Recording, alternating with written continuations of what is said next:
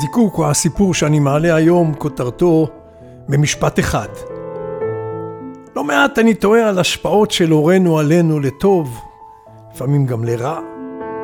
ותמיד עולה בי המחשבה מדוע קשה לנו להתנתק מההשפעות הללו ולהיות באמת מה שאנחנו רוצים. בהקשר הזה הקשיבו לתמצית סיפורו של רועי שורון, מתוך קובץ הסיפורים שלו, ילדה רגילה לגמרי. להזכירכם, אתם על זיקוקין דינור, פודקאסט שמעלה סיפורי חיים קטנים מהחיים של כולנו, שיש בהם חומר למחשבה. אספר לכם בקולו שוק הדינור. אז הנה, תמצית סיפורו של ראוי ישורון.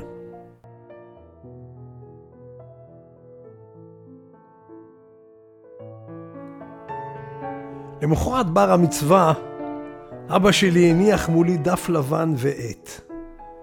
איתי, כך הוא אמר, אני רוצה שתכתוב במשפט, לא יותר מחמש מילים, מה אתה רוצה בחיים.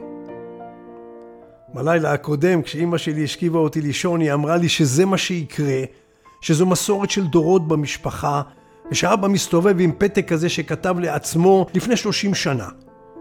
כל הלילה ניסיתי לחשוב על המשפט שלי, לא עלה לי שום דבר לראש. אבא, גם, גם, גם לך יש משפט כזה? שאלתי אותו למחרת. והוא שלף מהארנק דף קטן, בלוי ומנוילן, מסר לי, ולפני שיצא מהחדר אמר, תחשוב טוב טוב על המשפט שלך. קראתי שוב ושוב את המשפט של אבא שלי. אני מחויב להיות אמן, שהסביר לי הרבה דברים. אבא שלי היה סופר. בבקרים הוא היה מטייל ברחובות לקבל השראה, ואז חוזר הביתה, מסתגר בחדרו וכותב. בשעה שתיים בצהריים אמא שלי הייתה מכניסה לו צלחת עם קציצות פירה וסלט ירקות, ובשעה שתיים ועשרים הייתה לוקחת בחזרה צלחת עם סלט ירקות. הוא מעולם לא אכל סלט, והיא אף פעם לא הפסיקה לנסות.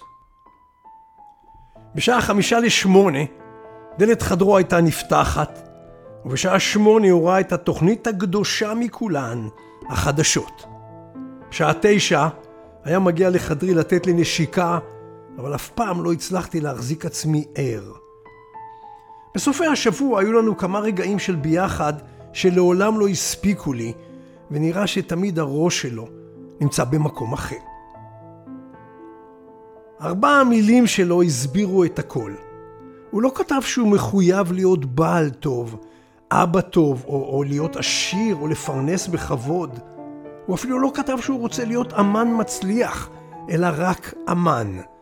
היה חשוב לו ליצור, אבל התוצאה פחות עניינה אותו.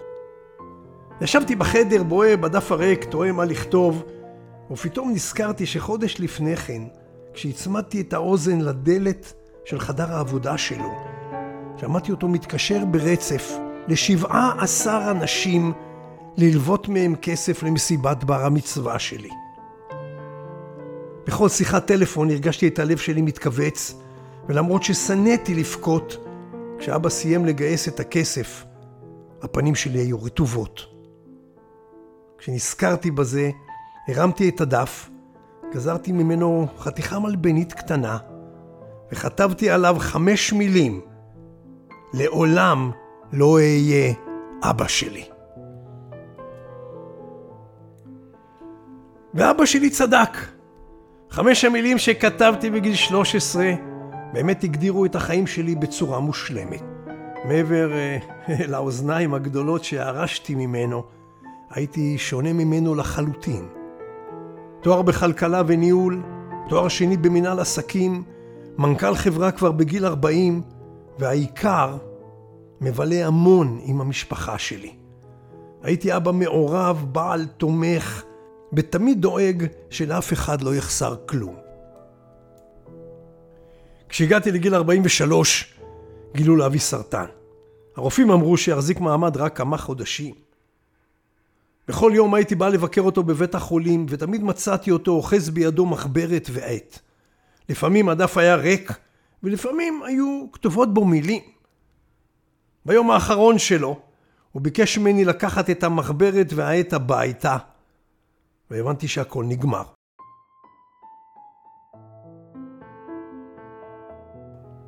ואז הוא קרא לי ולחש לי באוזן, ועכשיו שלא יהיה כאן, אתה יכול לכתוב לך משפט חדש, משפט שיהיה רק שלך. אף פעם לא סיפרתי לאבא שלי מה כתבתי על אותו הדף, אבל מסתבר שהוא ידע. הוא ביקש ממני בחזרה את המחברת רק לרגע, וכתב בה משפט אחד, מה אתה רוצה מהחיים שלך. אחר כך הוא סימן את המילה אתה בשני קווים תחתוניים חזקים, הניח את העט על השידה ועצם את העיניים. זה תקציר מתוך ספר הסיפורים של רועי ישורון, ילדה רגילה לגמרי, בהוצאת אחוזת בית. כמה מילים על רועי ישורון.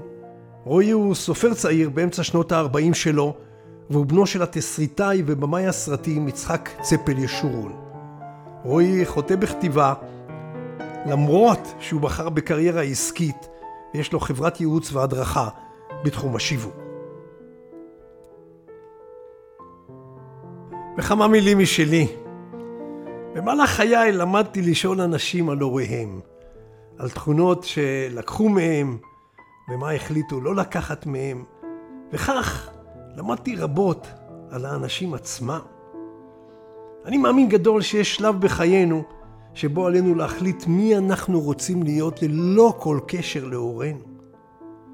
תמיד אני מצטט את פט ריילי, מאמן כדורסל ידוע שם בארצות הברית, שסיפר פעם על משפט שנצרב בו מאביו, לי ריילי.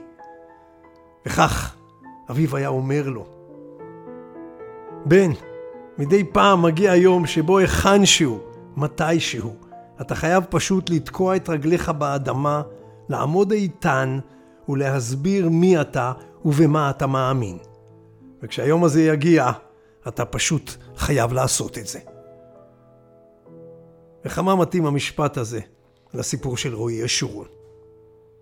זיקוקין דינור, שוק הדינור.